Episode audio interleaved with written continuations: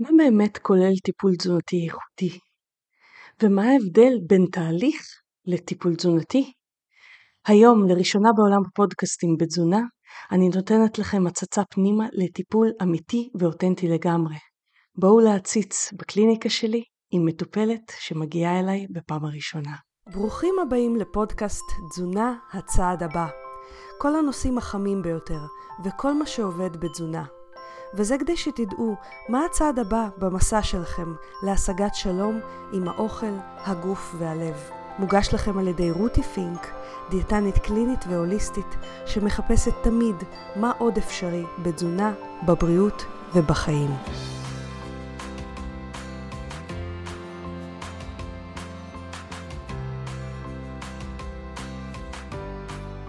היי חברים, למי שלא מכיר אותי, אני דיאטנית קלינית ומטפלת רגשית שעוזרת לאנשים לאזן משקל, סוכר ואכילה רגשית בעזרת תזונה דלת פחמימות, צום לסירוגין וכלים פסיכולוגיים מגוונים.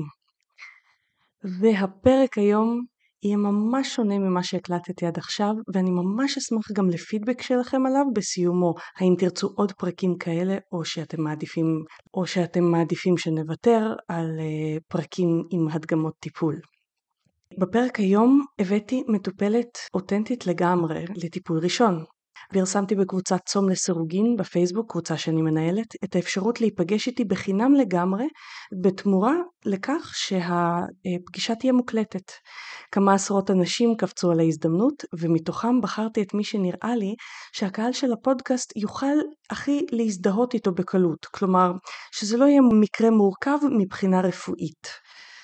כמובן שקיבלתי את הסכמת המטופלת להקלטה וגם נתתי לה להקשיב להקלטה לפני שידור הפודקאסט כדי לאשר שאין שום פגיעה בפרטיות שלה. למה החלטתי לעשות את זה? הרי הקליניקה, מה שקורה בתוכה זה קודש קודשים למטפל. ואני החלטתי לעשות את זה כי אנשים חושבים שהם יגיעו לדיאטנית, יקבלו תפריט ושם נגמר הטיפול, ומקסימום נערוך, נערוך קצת את התפריט בין פגישה לפגישה, ושלום על ישראל, הכל יהיה בסדר והכל יצליח רק כי הגענו לדיאטנית.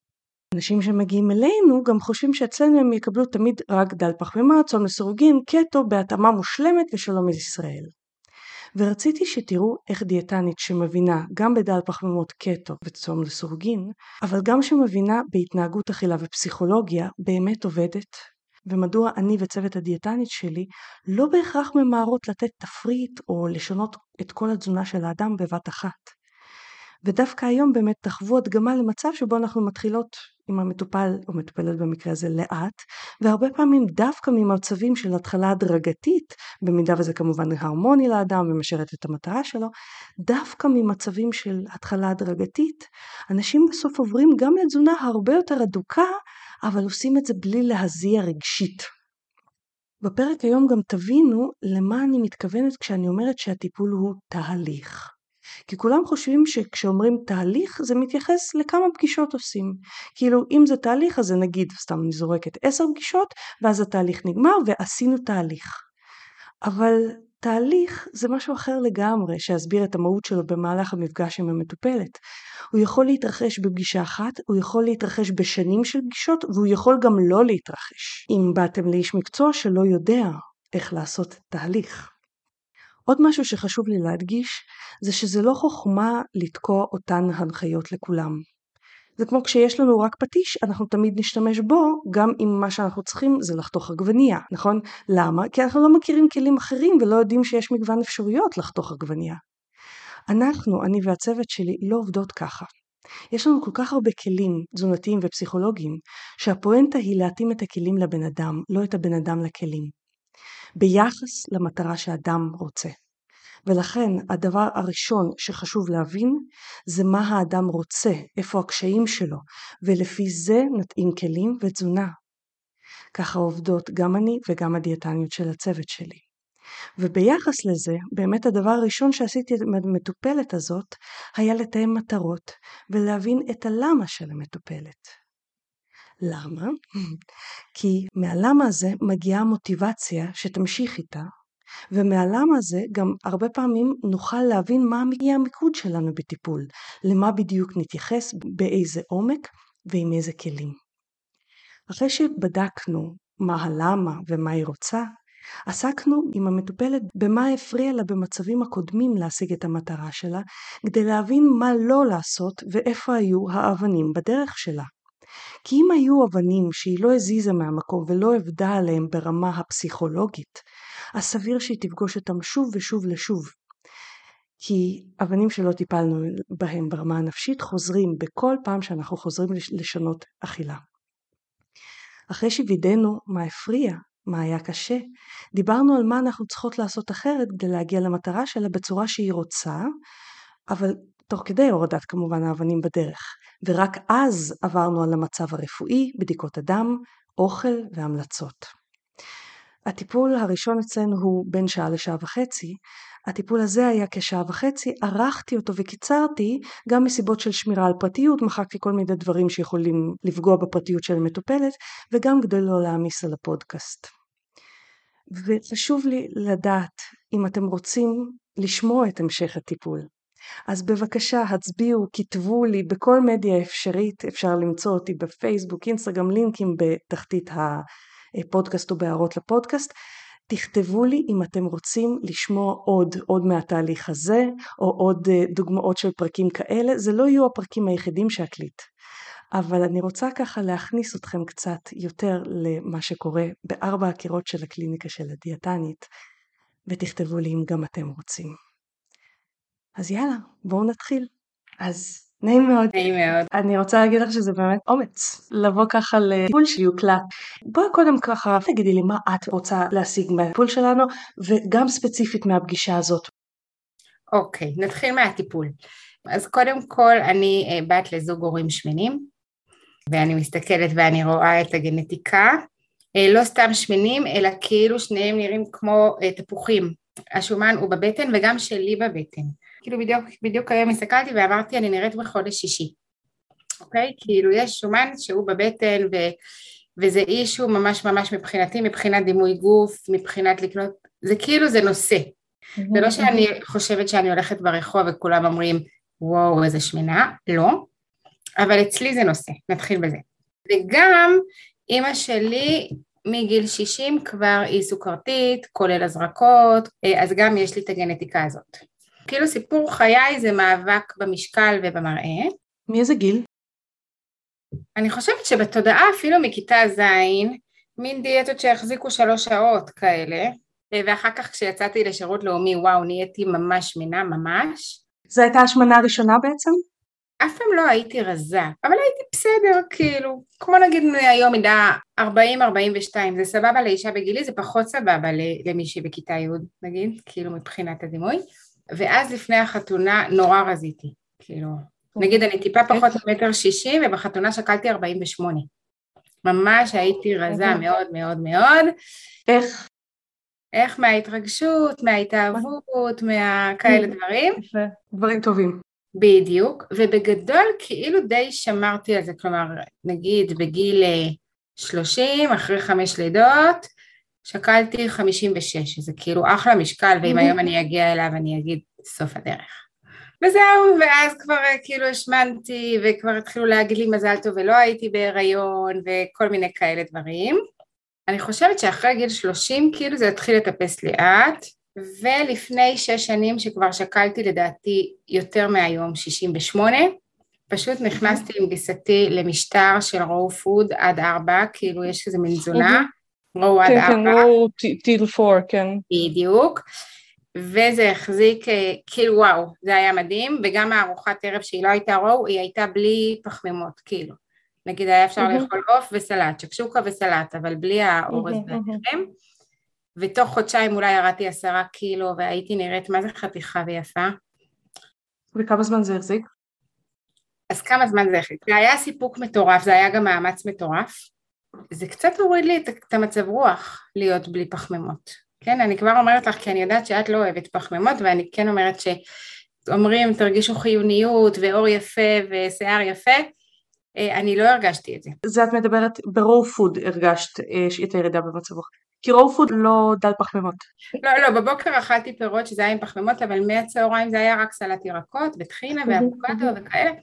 ונשארתי רזה, נגיד ירדתי ל-56, שזה כאילו מבחינתי משקל היעד, וקראתי בכל המחקרים שאחרי שנתיים כבר כולם עולים אז לא החזקתי בזה כאילו. אחרי שלושה חודשים של raw food כבר נהיה חורף ונגיד אז כן הוספתי ארוחת ערב עם פחמימה.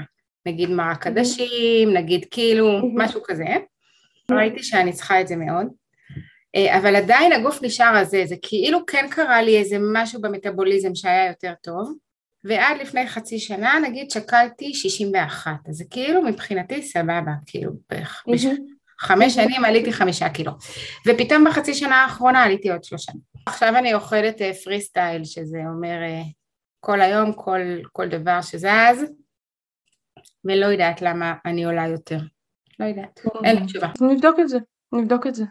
מה שככה כתבת בשאלון זה לפני שש שנים כתבת ניסיתי לאכול 16-8 בעצם ביחד עם הרואו או... לא לא אז לא אז אולי בזמן אחר אולי לפני אחרי הרואו נגיד לפני שלוש שנים ניסיתי 16-8 ניסיון די קצר.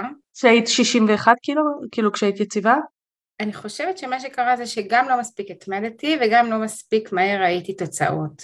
זהו הרבה אנשים אה, ב-16-8 ספציפית בפרוטוקול הזה באמת לא רואים תוצאות, אלה שאנחנו רואים באמת אנחנו רואים את האלה ש-16-8 לא עבד להם. אמ, אני עוד לא, אין לי איזה אה, אג'נדה כרגע, אני רוצה קודם כל להכיר ואז נראה מה באמת מתאים לך. יכול להיות שבכלל צום לסורגין לא מתאים לך, יכול להיות שדווקא אמ, ללכת לכיוון מה שעבד יותר התאים, אנחנו נבדוק את הכל, אוקיי? Okay? אוקיי, עכשיו, אמרת בשאלון אה, עובד לי כללים ברורים בלי חריגות. היו כללים ברורים נגיד פוד, אבל משהו קרה שהם לא הושארו, נכון? כלומר זה לא עצם הכללים הברורים שעושה את ההבדל, נכון? נכון. אוקיי, שאלה טובה. קודם כל, כשה raw food כן עבד, זה בזכות הכללים הברורים. כאילו, איך ראיתי את זה? כי תוך כדי ה raw food ראיתי את, הרגז... את הרגלי התזונה הלא טובים שלי. כלומר לעבור mm-hmm. במטבח, לראות קופסת קורנפלקס, וכאילו האינסטינקט זה לשלוח את היד ולקחת חצי חופן ולנשנש נגיד, כאילו, כן? כן. כולנו עושים? כן. אז ב raw food זה כאילו היה אין, זה כמו, אני, אני דתייה, כן? כאילו זה לא כשר, mm-hmm. כאילו זה חזיר נגיד mm-hmm, בשבילי, בסדר? אה, כן. ובסוף זה מה, ש, זה מה שכן עבד לי. למה זה לא עבד? כי זה היה תזונה שהיא הייתה כאילו, היא קשוחה, רותי, היא קשוחה. נכון, מאוד, נכון. אבל היא קשוחה, היא הרבה התעסקות, היא הרבה כאילו, את בסוף לא אוכלת את מה שכולם מסביבך אוכלים, זה מבאס, אי אפשר להגיד שלא. אבל, אבל אני כן רואה שכאילו, כאילו אם פשוט אומרים לי, זה לא, זה פשוט לא, כאילו תתייחסי לזה כמו לרעל, אז, אז יותר קל לי מאשר להתחיל לספור אם אכלתי שתי חתיכות עוגה, או אם הן היו גדולות, אם הן היו קטנות, אם כזה.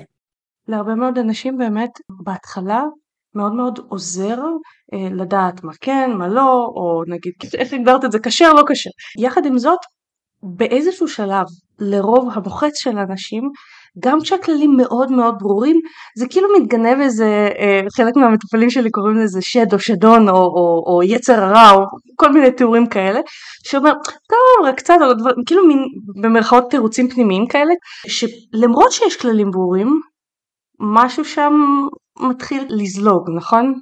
לגמרי. זהו, okay. אוקיי. אז השאלה שלי היא, אם זה הכללים הברורים שעוזרים לך, אין ספק שהם עוזרים, כן? אבל אם זה הכללים הברורים שעושים את ההבדל.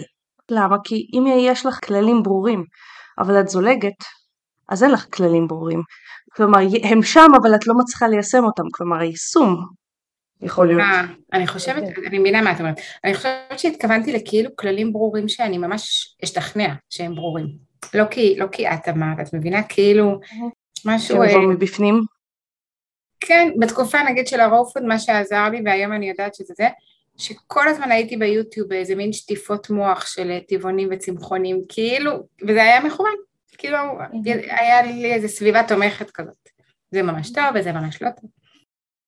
אני חושבת שזה כלי שהוא מאוד מאוד uh, נכון שהשתמש בו ואני חושבת ששווה ליישם אותו לא משנה לאן נלך. מה שנקרא מעתה ועד עולם מבחינת תזונה. למה? כי בתזונה המערבית הזרם הוא כזה שמעודד השמנה מעודד סינדרום מטאבולי מעודד סוכרת אוקיי? התזונה המערבית הקלאסית הפאסט פוד שלנו הדברים שזמינים לנו ואם אנחנו בוחרים לעשות משהו שהוא לכיוון הבריאות שלנו זה כאילו אוטומטית נגד הזרם זה נגד הפיצוצייה הקרובה לא נגדה אישית אלא כאילו נגד מה שקיים בה נגד המצאי ובמצב כזה כדאי שנעשה גם שטיפת מוח, זה כאילו אוטוסוגסטיה שתתמוך בנו. מה שאת מספרת בעצם זה שתמכת במוטיבציה שלך ככה, וזה משהו לגמרי לשימור.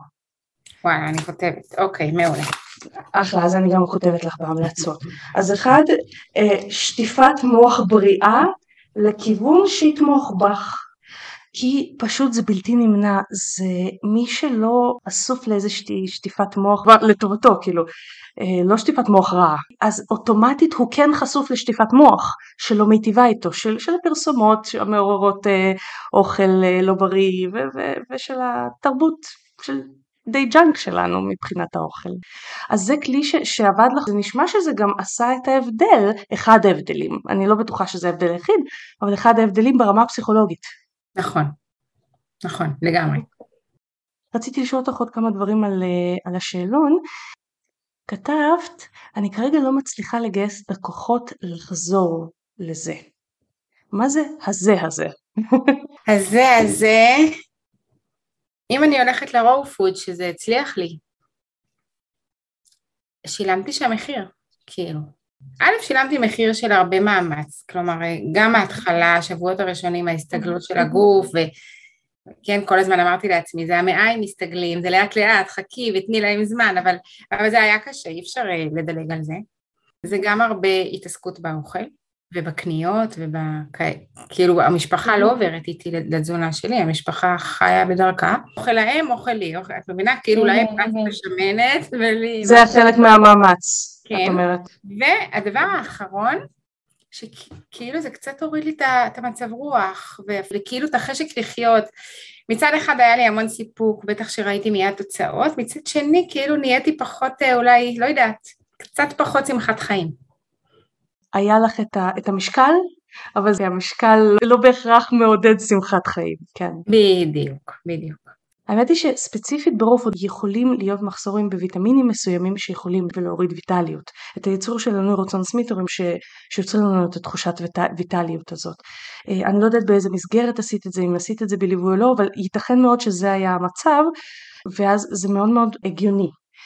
עוד כמה שאלות בקשר לשאלון, אמרת שאת מנסה להמעיט בסוכר וקמח, אבל לא מצליחה.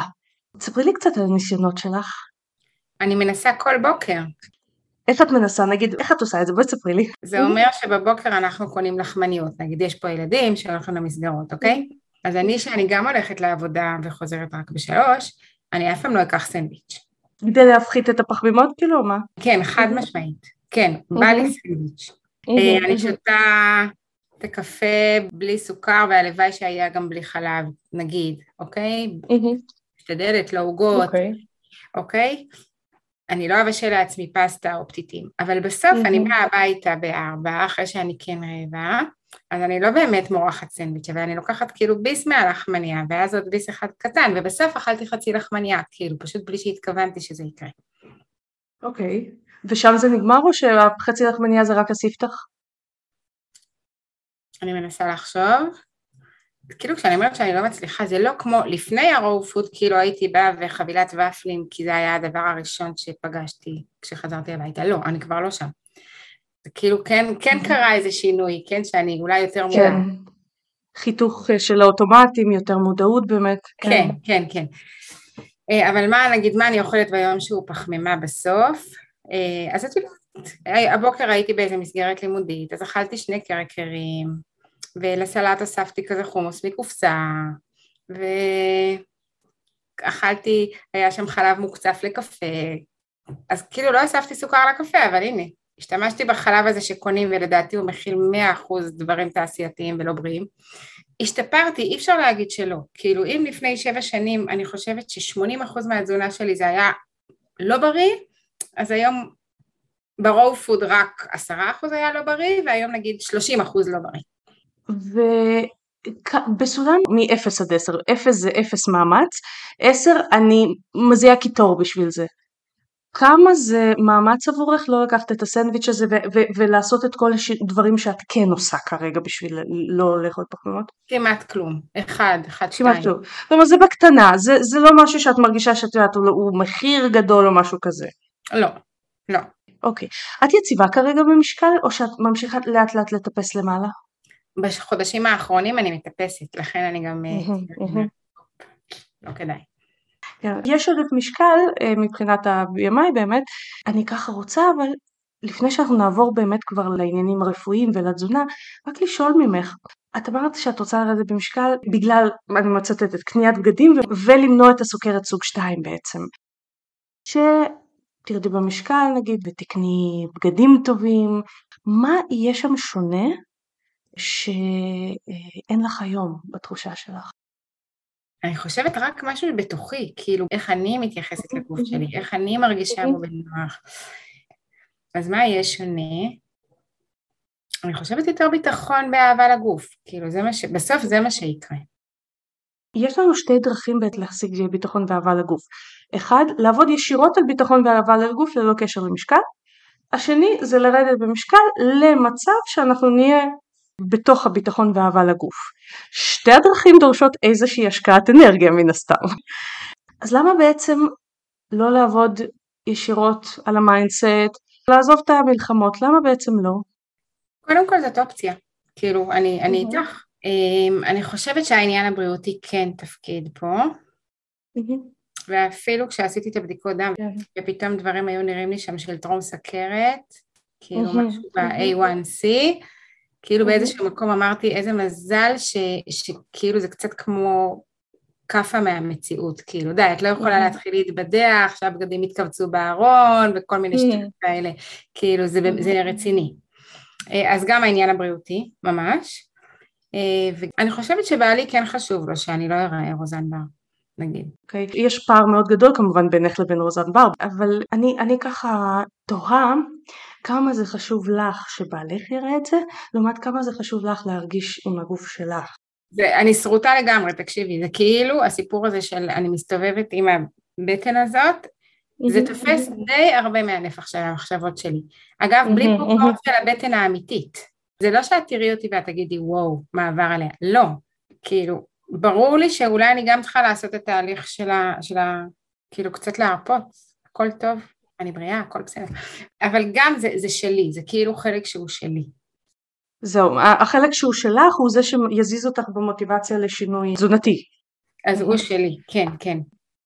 אני חושבת שמגיע לך להרגיש בנוח בגוף שלך.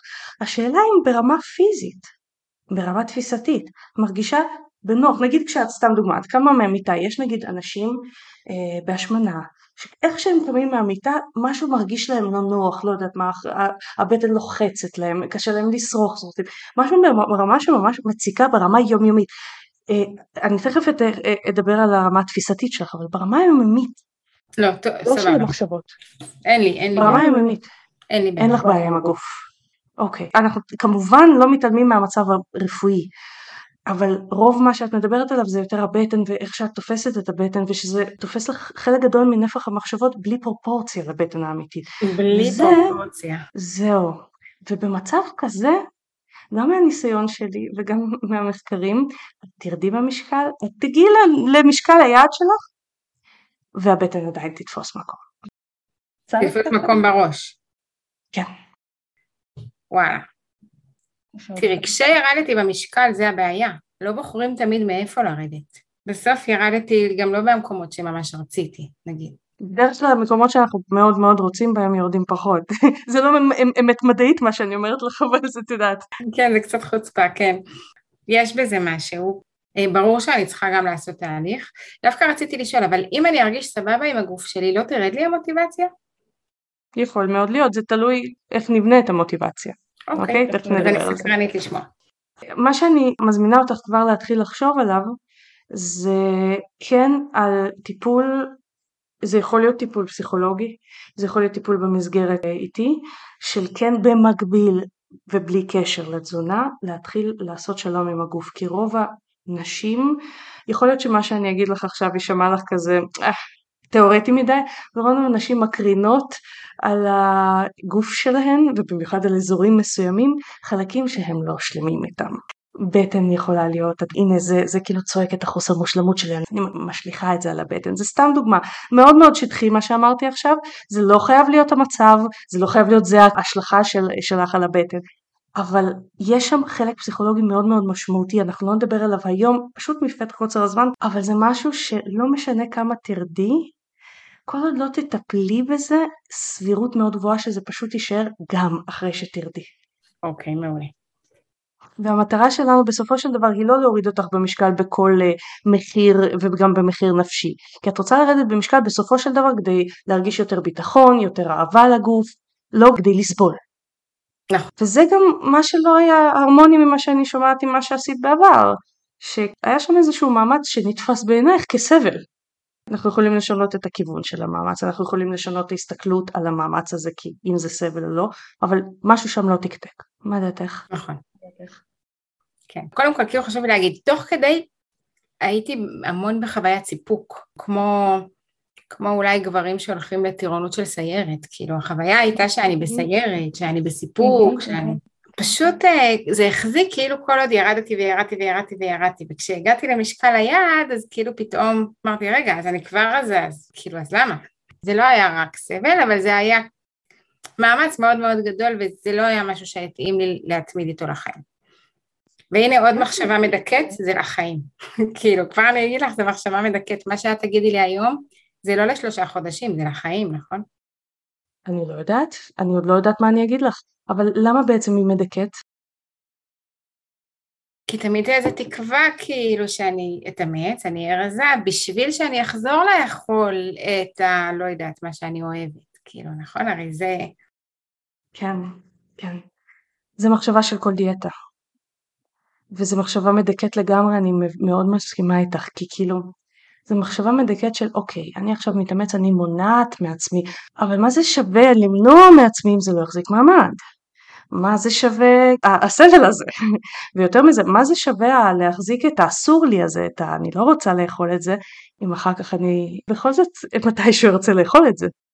כן גם זה כאילו אומר זה לא ייגמר את יודעת הרבה אנשים צמים ביום כיפור אבל הם יודעים שאחרי 25 שעות הם יאכלו זה לא לחיים נכון כאילו אז הרבה אנשים עושים מאמץ ממוקד כאילו סבבה פשוט פשוט כאילו אם אומרים לבן אדם זהו זה מעכשיו איזו התחייבות כזאת וזה לא ייגמר, כן, זה קשה. כן. מה באמת קשה בזה בעצם? שאני מרגישה שזה מונע ממני, כאילו בסוף את ה... כאילו בסוף אני אלך לחתונה ואני לא אוכל כמו כולם להתחרע על הבר של המתוקים בסוף, נכון? כן, זה מעניין כי את משתמשת במונח להתחרע, כי בעצם את אומרת, אני אעשה את המאמץ בשביל שאני אוכל אחר כך להתחרע. בואי נזכר שנייה בתקופה ששמרת על המשקל. נגיד אחרי החתונה אמרת היו מספיק שנים ששמרת על המשקל. התחרט? יכולתי, זה לא היה, אם הייתי בחתונה הייתי יכולה להתחרע, כן, מה שנקרא להתחרע, זה לרוב מילה שאני לא משתמשת, היא פתאום באה לי עכשיו, כן, אם הייתי בחתונה אז פתאום כן, ביום יום, לא, לא, הייתי עסוקה, זה לא, לא, וכיום את מרגישה כזה שאיפה כזה שאני אתחרע מתי שבא לי? לא רק בחתונה? לא, אבל, אבל מהכי לא מסונן. בסוף אני יושבת בארוחת שבת, אצלנו כאילו ארוחת שבת זה, אני מבשלת, אני משקיעה, זה היום היחיד בשבוע שמושקע פה נגיד, ויש לחם של בית, והרבה עוגות, והרבה סלטים, והרבה תבשילים וזה. כן, כאילו יש בי חלק שרוצה לאכול הרבה אחרי שאני שבעה. כי זה טעים, כי זה נעים, כי זה... וזה חלק שלא היה בעבר? לא, היה, היה, זה אני לגמרי. את היה תמיד. אוקיי, אוקיי. ובתחושה שלך, שהתחושה היא בעצם, אם אני מבינה נכון, שזה החלק שאת צריכה להחזיק אותו קצר בדיאטה. לגמרי. בכל דיאטה. בכל דיאטה. זה החלק. ומה אם, מה אם תגיעי למצב פסיכולוגי, שאת תוכלי לתת דרור לחלק הזה, כלומר את לא תצטרכי להגיד לעצמך יואו אני צריכה להגביל את עצמי בכוח ותפסיקי כבר כאילו דיבור פנימי כזה או תרגיעי אה, אסור לך או, או תרגיעי את תשמיני מזה ודברים כאלה אלא את תאכלי את תהני את תגיעי לסיפוק ואת פשוט תשמטי את האוכל כי, כי, כי זהו הגעת לסיפוק ויחד עם זאת פסיכולוגית לא תגיעי לתחושת ההתחרעות כאילו את יודעת לא, לא לאיזה פיצוץ או משהו. זה חלום כאילו קונה את זה בשתי ידיים, ברור, כן. אוקיי, okay. כי יש דרך שבה אנחנו יכולים לעשות את זה. בשביל זה אנחנו בעצם צריכים להכיר את החלק הזה שרוצה להתחרע קצת יותר ברמה הפסיכולוגית. אנחנו ניתן לו קצת say, אנחנו נכיר אותו במהלך התהליך ונלמד איך אנחנו יכולים לעשות את זה. זה קצת כמו עם ילד, כשילד נולד את, את לא מכירה אותו ישר, וגם כשהוא גדל אתם לומדים אחד את השני ככל שהילד גדל, נכון? אז עד רמה מסוימת ולאורך החיים החלק הזה הוא סוג של קצת כמו ילד שאנחנו נצטרך להכיר איך לעבוד איתו אבל עם כל ילד יש דרכים לעבוד אוקיי? כלומר זה לא שאנחנו ניתן לכל ילד, אה, אה, אם הילד יגיד טוב בא לי לעשן סמים, בסדר? אנחנו לא נגיד לו יאללה חמוד, תתחרה, השבת היום. כן. אוקיי? כן. אז המטרה היא בעצם ביחס לקול הזה להיות הסמכות ההורית. זה קול של ילד חמוד, הוא לא רע, הוא לא מנסה לעשות לך דווקא, זה קול שרוצה משהו, אני עוד לא יודעת מה, אנחנו נגלה. וברגע שאת תלמדי איך, באיזה צורה הוא צריך את ההובלה ההורית שלך, את תוכלי להגיד לו, טוב חמוד, עד כאן, ואני יודעת שלא נעים לך, אבל יש לי מטרה וזה לא יכאב לך, זה לא יציק לך וזה לא יציק לקול הזה, הוא לא ירצה להתמרד. הלוואי. חשוב לי להדגיש, זה חשיבה שונה כמעט ב-180 מעלות מדיאטה. כי אם בדיאטה זה אסור לי ומותר לי, ואני מחזיקה את עצמי ויש לי דדליין, זה בדיוק החשיבה שהיא של אורח חיים. מה זה החשיבה הזאת? זה לא אני מחזיקה את עצמי forever, זה לא אורח חיים. כן. כל ילד שתחזיקי אותו, בסוף יתמרד, יגיע גיל ההתבגרות, נכון? המטרה שלו לא להחזיק אותו קצר, דיאטה מחזיקה את הקול הזה קצר. בשינוי החשיבה שאני רוצה להציע לך, אנחנו רוצים להגיע למצב שאנחנו קודם כל שומעים את החלק הזה בתוכנו, אנחנו לא מנסים לדחוק אותו באסור ומותר, כי אסור ומותר לא נותן לו לא לדבר בכלל, ואנחנו שומעים ובודקים מה הוא באמת רוצה. זה כמו נגיד ילד, לא יודעת אם היה לך ילד שנשכב באמצע הקניון. בטח שהיה לי, כן. אוקיי. אז, וכשהוא אה, נשכב אה, בקניון, לא תגידי, טוב חמוד תעשה את זה כל פעם, תתחרע. את צריכה להפעיל שם איזושהי סמכות למרות ההתנהגות הלא טובה שלו, בהתחלה זה לא קל לך, אבל עם הזמן את לא צריכה להפעיל את אותו הכלי שוב ושוב כי הילד מתחיל ללכת לכיוונך. אוקיי. זה אותו קול. עכשיו זה תהליך פסיכולוגי, כשאני אומרת תהליך פסיכולוגי זה אומר לא פגישה אחת. את זה אני לא יכולה להבטיח לך בשום צורה בפגישה אחת, שתיים, שלוש או חמש. למה? כי זה דפוסי חשיבה ודפוסי חשיבה זה משהו שלאט לאט משנים, חוט חוט פורמים אותם. זה תהליך. לא לכולם מתאים לעשות תהליך. פשוט חשוב להבין שאם אנחנו לא עושים תהליך, תהליך רגשי של ה mindset הזה, יש תפוגה ליכולת שלנו להחזיק מעמד גם אם זה הדיאטה הכי הכי נוחה ונהדרת ונעימה. אצל רוב האנשים יש לה כמה אחוזים שכן מצליחים, הם נדירים יחסית, אוקיי? כן.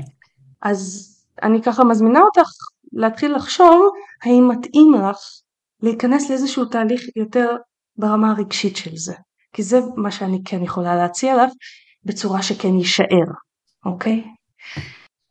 אז בואי ככה נעבור קצת מבחינה רפואית, אה, בריאה בדרך כלל, תרופות? לא. תוספים? לא ראיתי שכתבת משהו, אני רק מוודאת. בואי נעבור על הבדיקות דם. אז המגלובין A1C 5.1, האמת היא שהוא תקין.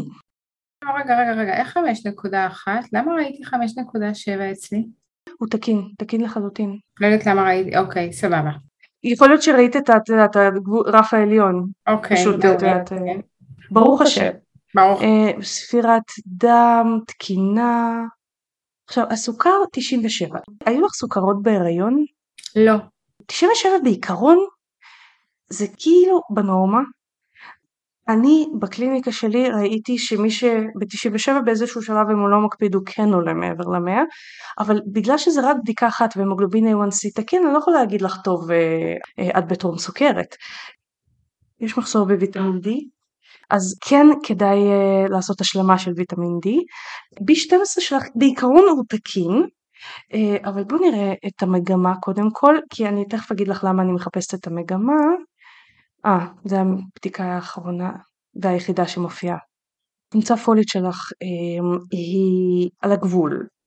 תראי, אני אגיד לך מה, ב-12-295 זה נורמלי, יש מחקרים שמראים שמתחת ל-300 כן יכול להשפיע על מצב רוח, אנרגיה, עייפות וזיכרון בקטנה, הייתי שמחה לראות את זה מעל 300, על זה לא הייתי רצה ונותנת לך סתם ככה כאילו טונות ומגה דוזות של B12, אבל כיוון שגם חומצה פולית שלך היא לא בסף הנורמלי, אז הייתי כן אולי לוקחת תוסף משולב חומצה פולית אה, פלוס B12, תכף אה, אולי נחשוב איזה, כדי להשלים את זה. חומצה פולית נמצאת בירקות ירוקים, היא נמצאת באיברים פנימיים, אה, זה המקורות המשמעותיים, אבל הכי מהר זה להשיג אותה בתוסף כמובן.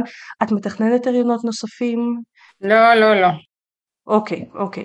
בעיקרון כן, כי בגלל שתמיד יש את הסיכון, אה, או את הסיכוי, תלוי איך את מסתכלת על זה, כן מומלץ לנשים בגיל הפריון אה, כן לקחת.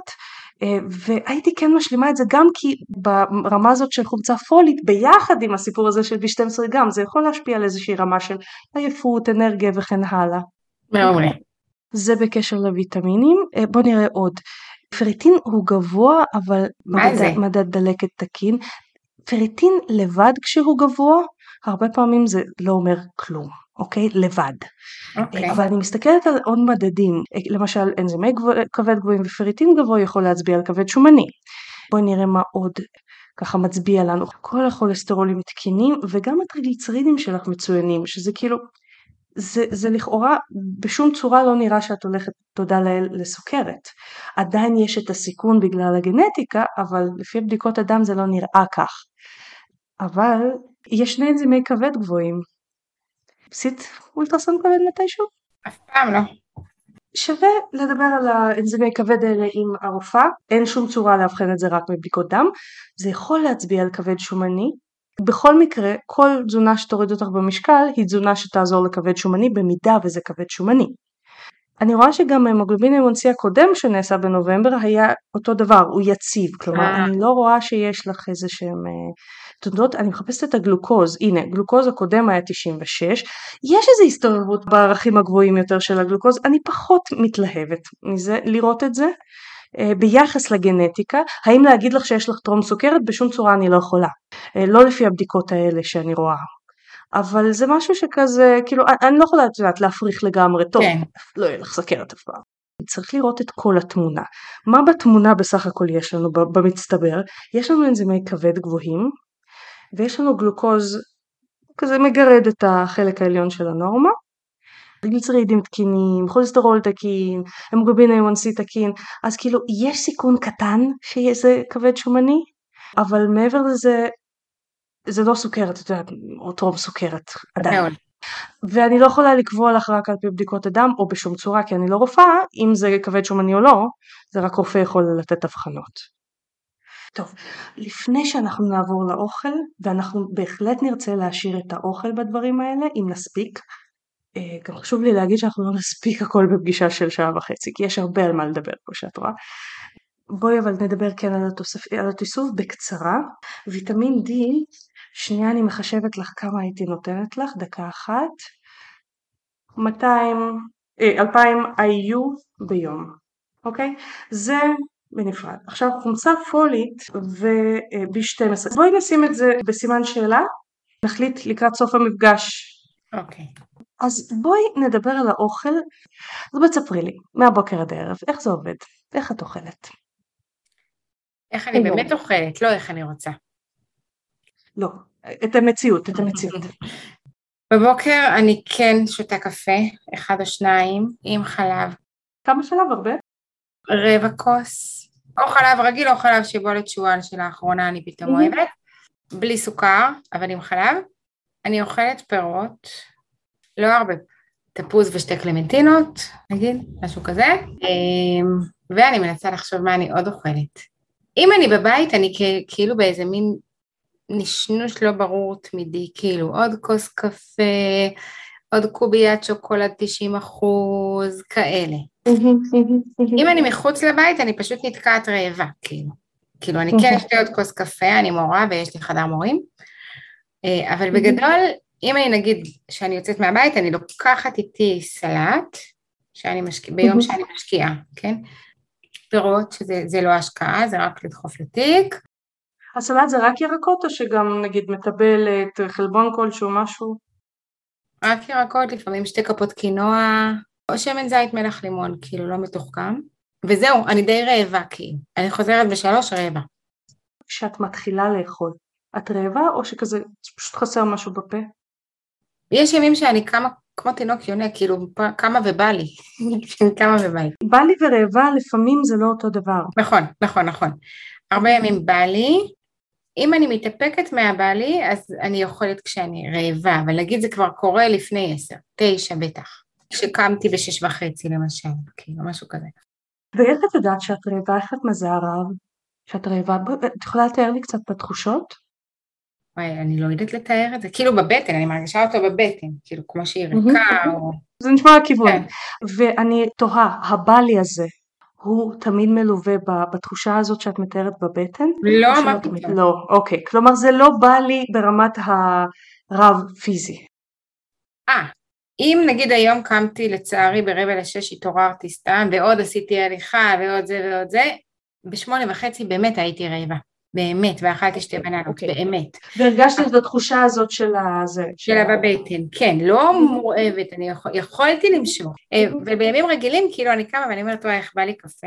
אבל, אבל זה בא לי, אם אני בבית, כל חצי שעה בא לי משהו, זה לא קוראים לזה רעב, אני לא יודעת מה זה כן. נכון, נכון. התעסקות, שעמום, פינוק, כאילו גם, גם משהו במוח שלי, כאילו קפה ופינוק, זה אולי ביחד כן, כזה. כן, כן, כן, כן, כן, כן, כן. זה כל מה שבעגה הלא מקצועית נקרא אכילה רגשית. אני אוהבת לקרוא לזה אכילה נפשית, כי כאילו זה לא באמת בגלל הגוף, זה המקומות של הנפש של בא לי להתפנק, משעמם לי אני אסיק את עצמי, אני אתן לעצמי תירוץ להפסקה, אני אפנק את עצמי, אני אנחם את עצמי, מה, דברים כאלה. זה כאלה, זה? זה? בדיוק, כן. אוקיי, אוקיי. בוא נגיד אכלת אפילו כשאת רעבה, נגיד אמרת שעשית את הליכת הבוקר שלך ואכלת כשהיית רעבה, אמרת אכלתי שתי בננות. שבעת? לא שבעתי, לא הייתי רעבה. כאילו, אצל אנשים שאוהבים לאכול, כאילו יש הבדל בין שבעה לבין לא רעבה. לא נכון. הייתי רעבה, זה לא שכאילו, אם עכשיו היו מציעים לי משהו הייתי אוכלת בכיף. איך את מזהה את ההבדל בין הלא רעבה לבין השבעה? את יכולה לתאר לי קצת? פיזית. כן, כן, אם אני לא רעבה, קודם כל אני עדיין מרגישה לא מלאה, כאילו יש משהו עדיין קליל, עכשיו תגידי לי לעשות 30 קפיצות, אני אעשה אותם, כזה. אוקיי, ואיך את יודעת שאת שבעה? איך אני יודעת שאני שבעה? וואי, שאני מרגישה ממש כאילו שלא בא לי, שלא, וזה קורה לעיתים נדירות, כי אם יש אוכל טעים אז, אז יהיה בא לי, אבל שאני ממש מרגישה שזהו, זה כאילו מספיק, מספיק. כאילו אין מקום כזה לדחוף עוד? בדיוק, כן. שהאין מקום הוא יותר חזק מהאוכל הטעים שמולי, כן. Mm, אוקיי, אוקיי. כאילו כשאני לא רעבה, זה יהיה לי עדיין נעים להמשיך לאכול. אם לא היה לי איזה אישו עם השמנה ועם סוכר וזה, הייתי ממשיכה. מה שאת מתארת כלא רעבה, לי אישית נשמע פיזית כמו שובע. ומה שאת מתארת כשובע, לי אישית נשמע פיזית כפיצוץ, כאילו עודף שובע. אני לא אומרת את זה בצורה שיפוטית, כן. אני תוהה מבחינת ההבדל הזה, איך את יודעת שאת לא רעבה? כאילו, משהו שם כן קורה שהוא כאילו, כאילו, מה זה הדבר הזה? שאין הרגשה של חוסר נוחות, כאילו אם תיארתי לך את הרעב בתור חוסר נוחות, אז כאילו אחר כך אין את ההרגשה של החוסר נוחות. אני כאילו מזהה את הפסיכולוגיה, אה, שכאילו, אבל עוד שעה אני אהיה רעבה. מבינה? וגדלתי בבית עם אוכל, וכאילו אני לא דור שני, הכל בסדר, אבל כאילו הפסיכולוגיה אומרת, רגע, לא אכלתי מספיק, שנייה, שנייה. כן. כבר אני שומעת כמה דברים שאיתם הייתי מתחילה היום. מה שאת מתארת בעצם זה, יש את הגוף, והוא מאותת, ויש אותך. ו- ולא תמיד הם חופפים. זה כאילו, יש את הגוף ויש את הראש, או, או הלב, או whatever, אני עוד לא יודעת, והם נפרדים, כאילו, זה, זה יותר אכילה של אה, חשש של אה, עוד שאני אהיה רעבה, אני צריכה פינוק, דה ופחות אה, טוב הגוף שלי מסופק אז אני אפסיק, נכון? אני אומרת את זה שוב, חלילה לא בשיפוט, אני מנסה לדייק את הבעיה, לאן אנחנו רוצים לכוון את ה... כן, דייקת, דייקת, וזה גם סבבה. Okay. אוקיי. יצא לך קצת לעבוד על קשב לסימני הגוף אי פעם? לא, אוקיי. אני בעד מאוד להתחיל עם זה, כי זה כאילו הבסיס. אני אסביר לך שנייה למה, כי נגיד תפריט, חישובים, את יודעת, את צריכה או נוסחות לידך, ואפליקציות מחשבות אה, צעדים, אה, קלוריות, ומעבדת בדיקת חילוף חומרים בשביל להיות מאוד מדויקת בזה, בסדר? כל הזמן להיות עם היד על הדופק על הקלוריות, על החישובים ועל על הכמויות ועל מה שאמרת שקשה לך, קשה לי להגביל את זה ל... נכון. הגוף שלנו עושה חישובי קלוריות, הוא לא באמת מחשב קלוריות, הוא מחשב משהו אחר, אבל מבחינת הדימוי הוא לגמרי מחשב קלוריות. מבחינת התפיסה שלנו מחשב קלוריות לכל דבר ועניין והוא עושה את זה לא פר יום או פר שבוע, הוא עושה את זה מדקה לדקה. בואי נסתכל על זה שנייה מהמקום של הגוף. אם את רעבה, מה הגוף אומר לנו ביחס למה שהוא מחשב? כי הוא הדיאטנית הפנימית, כאילו. מה הוא אומר? עצרי, תתעסקי בחיים שלך, אני לא צריך שום דבר, אני משתמש או שאני באנרגיה כאילו שאכלתי או באנרגיה שיש לי בגוף אוקיי? יש לנו מאגרים אם אנחנו בעודף משקל. במאגרים האלה אנחנו רוצים שהוא ישתמש כן? זה מה שקורה כשהוא אומר שהוא לא רעב. כשהוא אומר אני רעב הוא אומר כרגע מסיבה זו או אחרת בין אם יש לי מאגרים ובין אם אין לי מאגרים מסיבה זו או אחרת חסר לי אנרגיה. זה יכול להיות הורמונלי, זה יכול להיות קלוריות, מעט מדי אכלת, מלא סיבות, חסר לי אנרגיה, אוקיי? Mm-hmm. כשהגוף משדר לך את מה שלי נשמע כמו שובע, את קראת לזה לא רעבה, צריך לדייק את זה קצת יותר, אבל זה, פניו זה נשמע ככה, שובע פיזי, בסדר? כאילו כן. שזה יהיה כזה מושג בינינו, כאילו זה לא שובע שובע, וזה לא, לא רעב, שובע של הגוף, כשהוא משדר את השדר הזה, מה שהוא אומר בעצם זה אכלתי מספיק אנרגיה, אני עכשיו אתמודד איתה ואני אשרוף אותה. אם את תפסיקי עכשיו, אני לא אהיה בעודף במקרה הרע, ואני גם ארזה במקרה הטוב. אוקיי. Okay. אם אנחנו מתעלמים מהשדר הזה, באותו רגע, נקודתית, גם אם זה למשך שלוש שעות, אנחנו בעודף קלורי.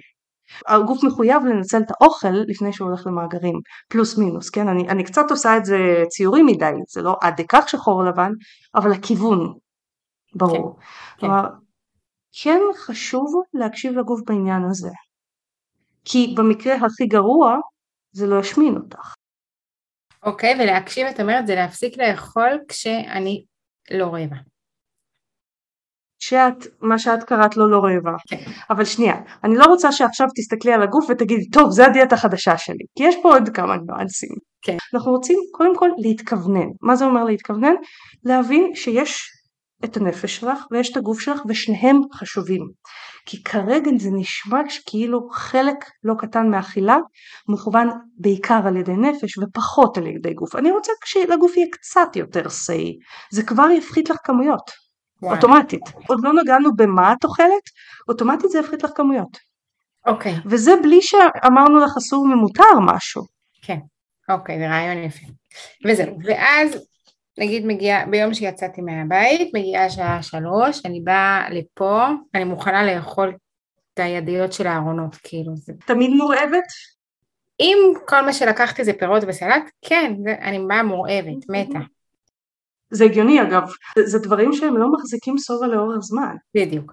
ואז במקרה הטוב יש פה אוכל מבושל שאני רק צריכה לחמם, עוף, אפילו עם אורז, כאילו אני כן אוכלת נגיד עוף עם אורז, ואז אני גם לא אחתוך לעצמי עוד ירק, כאילו די, מיציתי, אכלתי סלט, עוף עם אורז ודי, זה במקרה הטוב. במקרה הרע, אני באה למטבח ומגלה שבאמת אין שם איזה משהו כאילו מדליק, ואז זה בדיוק כאילו הרבע לחמניה עם חמאה ועוד רבע לחמניה, בעצם עם נוטלה כי כבר הרסתי לעצמי וכאלה, כאילו לא באמת אוכל שיושבים ואוכלים, כאילו מין...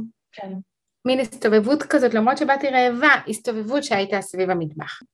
נגיד שמגיעה השעה שש, ואז יש בי משהו, בגלל שעשיתי פעם שש עשרה שמונה. אני אומרת לעצמי, בשש או בשבע, יאללה. מספיק, לא כדאי, בערב ולפני השינה, ויודעים שזה לא בריא והכל. ולפעמים זה מחזיק, אבל הרבה פעמים זה גם לא מחזיק.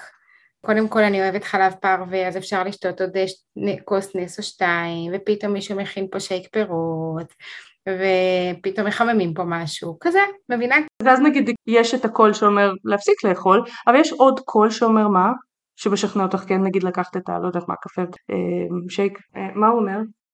בקטנה, ובא לך, ויהיה לך כיף, ו...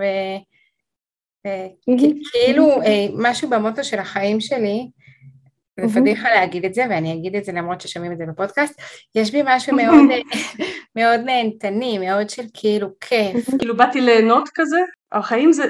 החיים זה, זה הנאה, זה לא נשמע, אימא לשבעה ילדים שהיא גם דתייה, כאילו זה נשמע משהו מדכא, אבל לא, לא, אני באה ליהנות. אז כן, יש בי משהו שכאילו אומר, יאללה, אז סבבה, את לא אוכלת עכשיו בשר, כוס נס, מה הסיפור כאילו? זה הכל כן, השני. כן. זה בדיוק מה שאנחנו גם אה, נרצה להתייחס אליו, כי זה משהו שאני אוהבת לקרוא לו אה, אמונות, דפוסי חשיבה, עיוותי חשיבה, טעויות חשיבה. פרשנות שאת נותנת למציאות, המציאות היא המציאות, אוקיי? המציאות היא את יכולה לאכול, את יכולה לא לאכול, את יכולה להפסיק לאכול, המציאות היא המציאות. הפרשנות היא, אני באתי ליהנות, הנה הנאה, let's take it, פרשנות. עכשיו, אני לא באה לשנות לך אה, מוטואים של חיים, אבל אנחנו רוצים ליצור בחשיבה הרלוונטית לאוכל משהו יותר אולי גמיש בעצם. כי אוקיי, באתי ליהנות ואני רוצה ליהנות, השאלה היא באיזה רמה אני נהנית. יש לי פה את ההנאה הזאת, שזה הילד הקטן בתוכנו, עכשיו יש פה שייק, אני עכשיו נהנה, נכון? זה כאילו קצת אה, הקול של הילד בתוכנו ושוב אנחנו לא שופטים אותו, לכולנו יש את הקול הזה וזה קול כזה של עכשיו אני רוצה את הסיפוק שלי, יש את הקול של הבוגר בתוכנו שאומר אבל גם להיכנס ללמידה whatever בחנות זה כן. הנאה וזה הנאה לא פחות גדולה, זה הקול של המבוגר, אנחנו רוצים ליצור שם שלום, אוקיי? עכשיו שוב, זה תהליך, זה לא יקרה מזה שאני רק אדבר איתך על זה, זה לא יקרה מזה שתביני, אוקיי? באמת? אז מה את עושה בתהליכים שלך, אם לא רק מדברת? אנחנו מדברים, כן? הטיפול בדיבור, אני לא עושה איזה, לא יודעת מה, דיקור או, או מגע או משהו כזה, אבל הצורה שבה אנחנו מדברים עושה את ההבדל. כן, אוקיי. אבל חשוב להבין, תהליך זה לא משהו שיקרה לך מהבנה. אוקיי. תהליך זה משהו שיקרה דרך הלב. כלומר, את יכולה נורא נורא להסכים שזה גאוני וחשוב. נגיד לצורך העניין, שלאכול מתוך רעב ולעצור בשובע, פיזי, זה נורא חשוב ונורא מועיל. בואי נראה מה הלב שלך יגיד בנושא. נכון, כן. התהליך יתייחס לכל החלקים שהלב יגיד, אוקיי? אוקיי. ויעזור ללב להסכים עם ההבנות המאוד מאוד חשובות. אוקיי. זה, זה מה שאנחנו עושים בתהליך, זה גם למה זה לוקח זמן, כי זה לא מספיק להבין. אם זה היה רק כוונות, את היית, את לא צריכה לבוא לפה. נכון.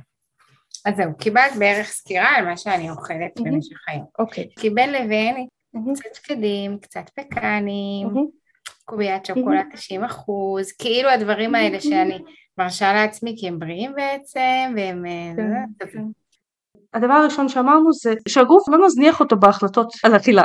זה דבר ראשון. דבר שני, מאוד מאוד בולט לי שאת לא אוכלת דברים שמשביעים לאורך זמן. פרי, הרוב פודיסטים אומרים זה משהו שמתעכל מאוד מהר, בקלות, סבבה, אבל זה גם משהו שמרעיב בקלות.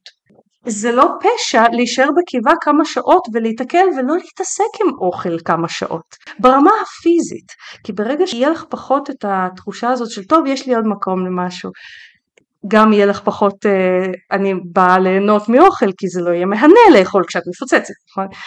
המטרה היא לא להביא אותך לפיצוץ בסיום ארוחה, אבל המטרה היא להביא אותך לסוף ארוך טווח. ופירות לא עושים את זה, ירקות לא עושים את זה.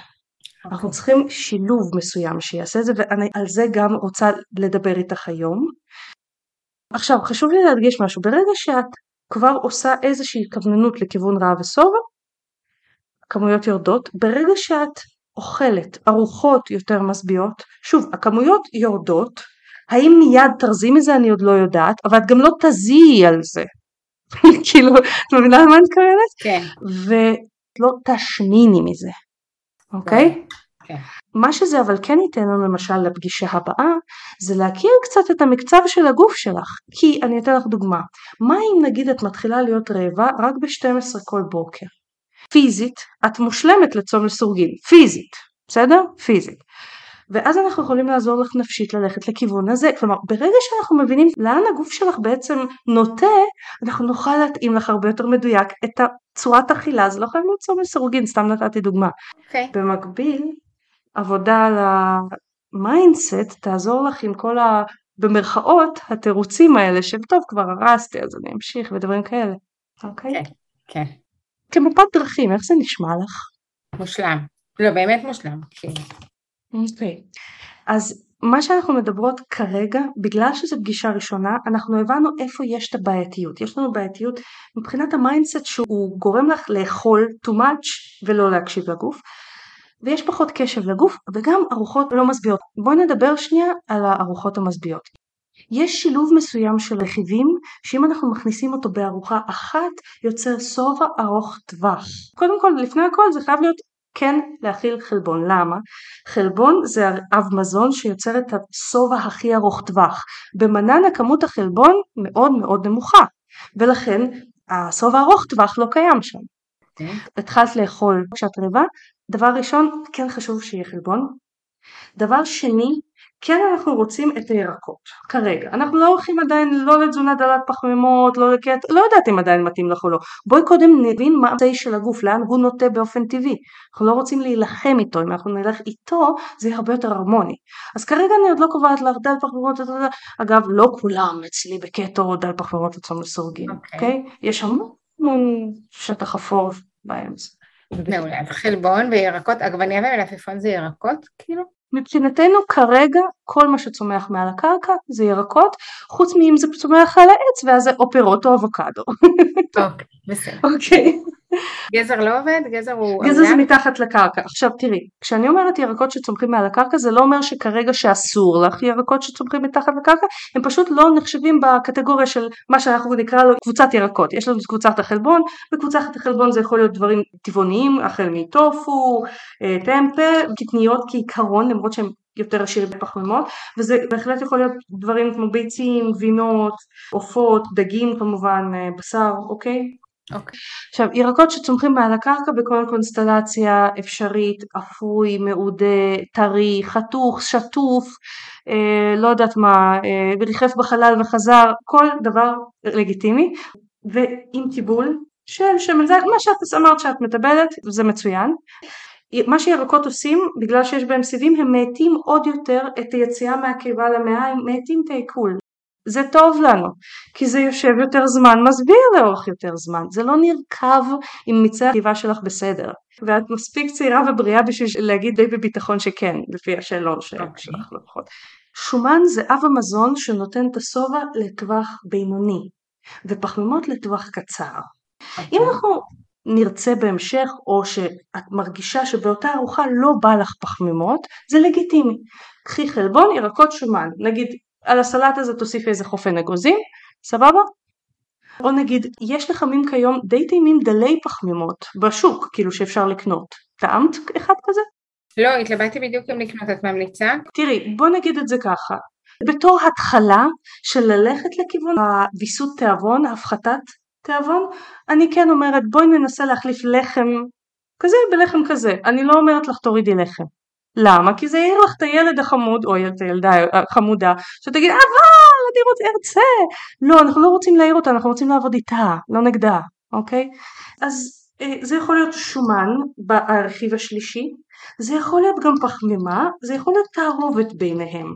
מבחינתנו לחם דל פחמימות נכלל כשומן אוקיי? כי רוב רובו זה, זה יותר קבוצת שומנים. אוקיי.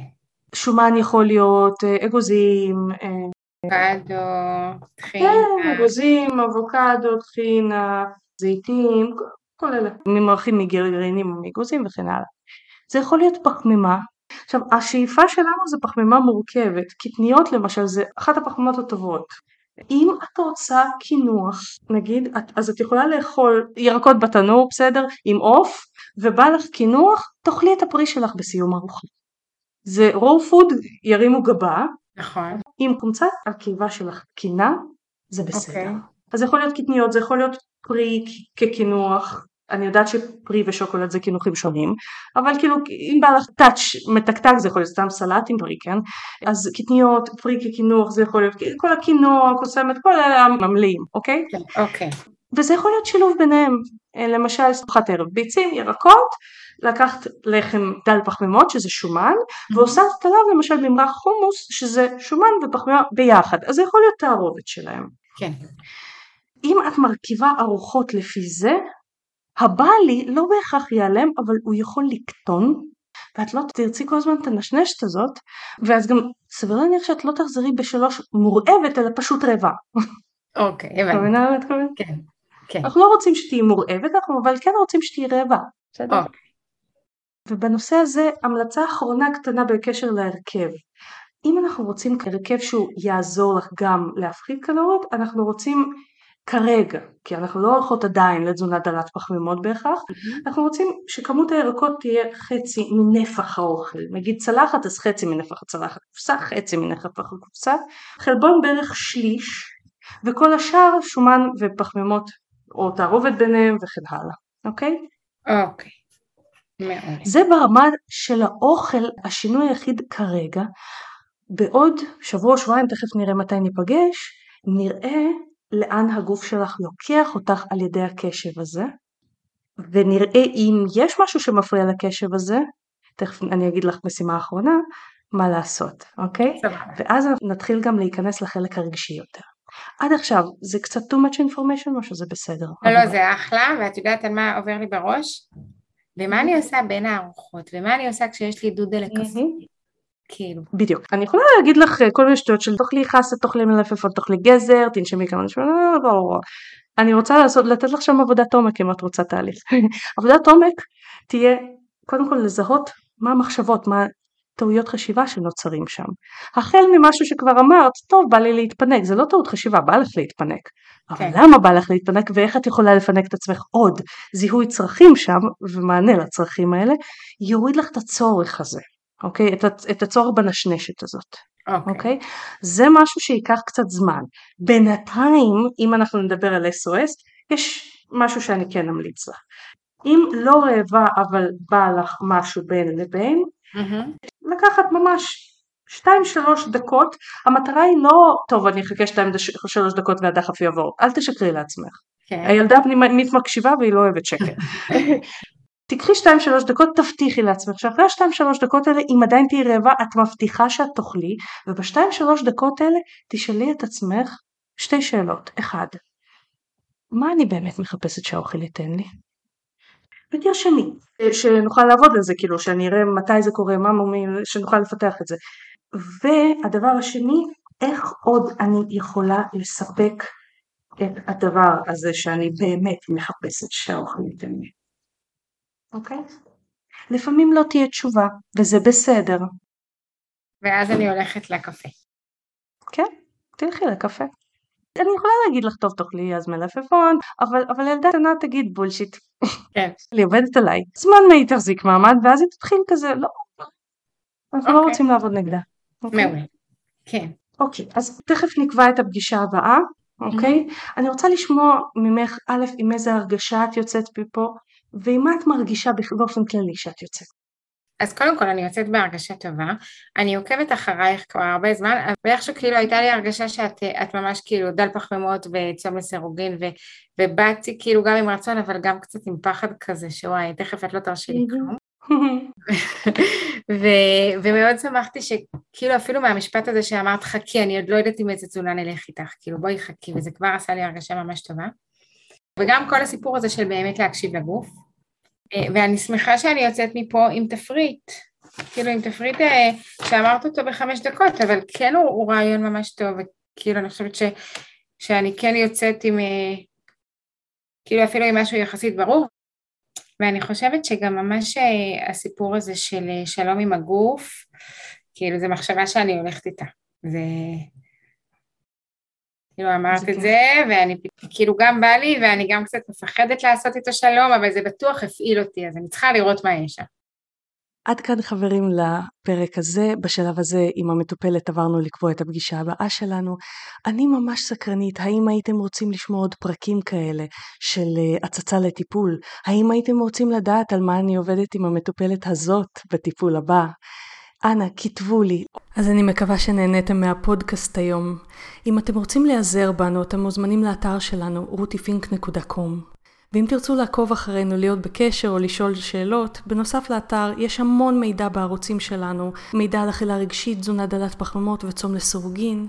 פשוט תחפשו בגוגל בעברית רותי פינק ותגיעו לפייסבוק, לאינסטגרם וליוטיוב, ואנחנו ניפגש בפרק הבא. תודה שהקשבתם לפודקאסט תזונה הצעד הבא. אני מקווה שנהניתם.